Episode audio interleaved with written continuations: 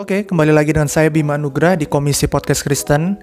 Di episode kedua, season kedua tahun 2021 ini, kita akan membahas, saya akan membahas tentang jodoh ya. Apalagi sekarang bulan Februari, yang katanya ya kita udah tahu tanggal 14 itu adalah bulan kasih.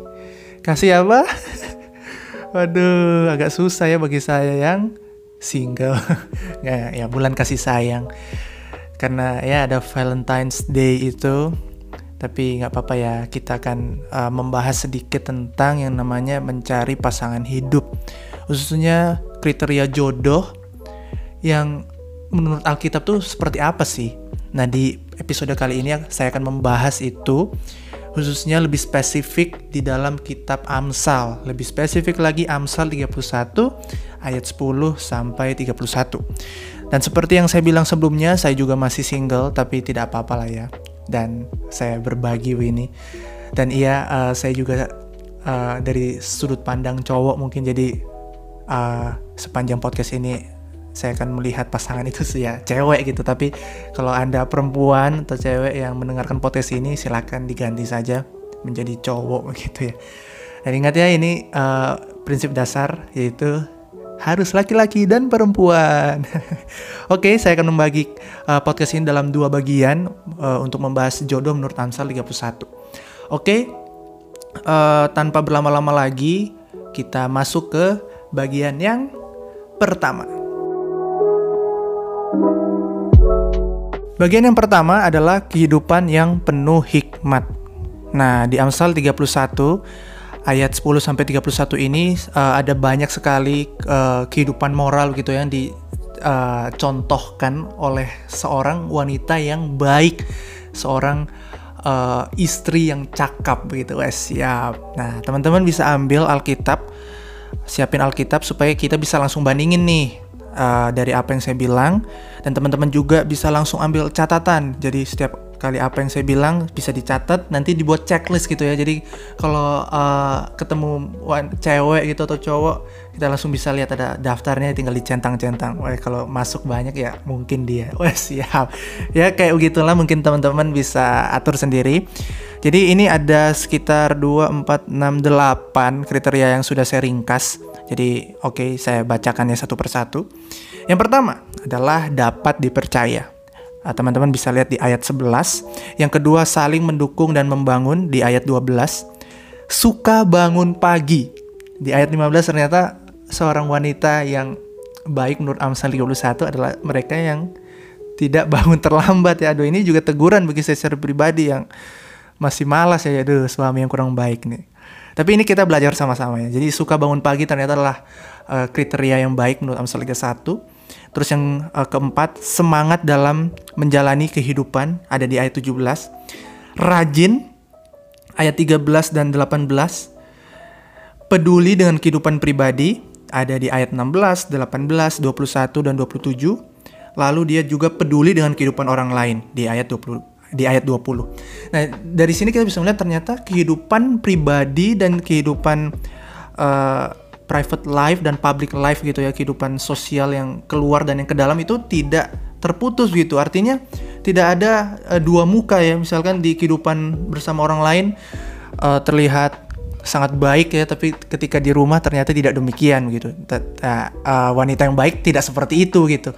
Atau pasangan hidup yang baik dia seimbang dia peduli terhadap kehidupan di secara pribadi ataupun nanti kehidupan rumah tangganya, namun dia juga peduli dengan kehidupan orang lain gitu. Nah, yang terakhir adalah bijak menggunakan mulutnya. Jadi di ayat 26 dikatakan dengan jelas ia membuka mulutnya dengan hikmat. Pengajaran yang lemah lembut ada di lidahnya. Jadi kita bisa melihat lah ya, ini salah satu ciri yang cukup jelas yaitu dia bisa menggunakan mulutnya dengan baik ya tentunya dengan sesuai dengan firman Tuhan.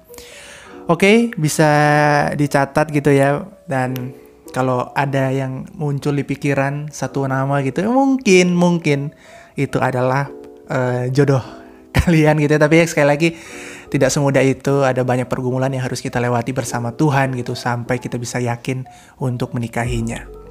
Oke kita lanjut ke bagian 2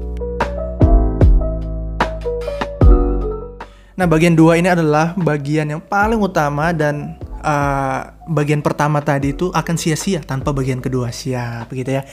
Jadi yang bagian kedua adalah takut akan Tuhan.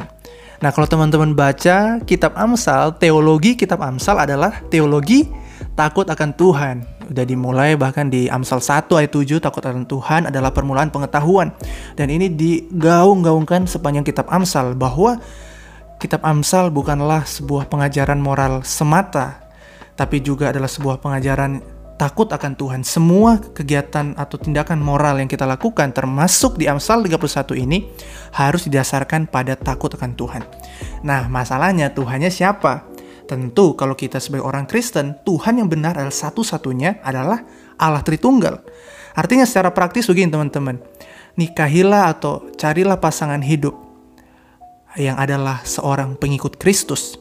Itu intinya gampangnya. Nikahilah dan pacarilah orang yang percaya pada Tuhan Yesus. Artinya seiman, orang Kristen gitu. Ya walaupun orang Kristen belum tentu dia percaya sungguh-sungguh dengan Tuhan Yesus gitu, tapi ini jadi sebuah uh, hal yang tidak bisa kita tawar ya sekali lagi bahwa pengikut Kristus adalah hal yang utama yang harus kita cari dalam mencari pasangan hidup. Dan saya bisa bilang bahwa segala tindakan moral yang begitu baik yang mungkin dimiliki oleh seorang wanita begitu tanpa pengenalan akan Kristus, tanpa pengenalan akan Tuhan yang benar, tanpa sebuah takut akan Tuhan kepada Tuhan yang benar sekali lagi. Takut akan Tuhan bisa saja Tuhannya lain, tapi Tuhan yang benar yaitu Allah Tritunggal. Tanpa itu semua, semua tindakan moral perempuan itu atau pasangan hidup kita nanti akan menjadi sia-sia. Sekali lagi, bagi saya ini bukan sesuatu yang dapat ditawar. Jadi itu bagian kedua kiranya teman-teman uh, bisa melihat lah ya sekali lagi kembali bergumul bersama Tuhan.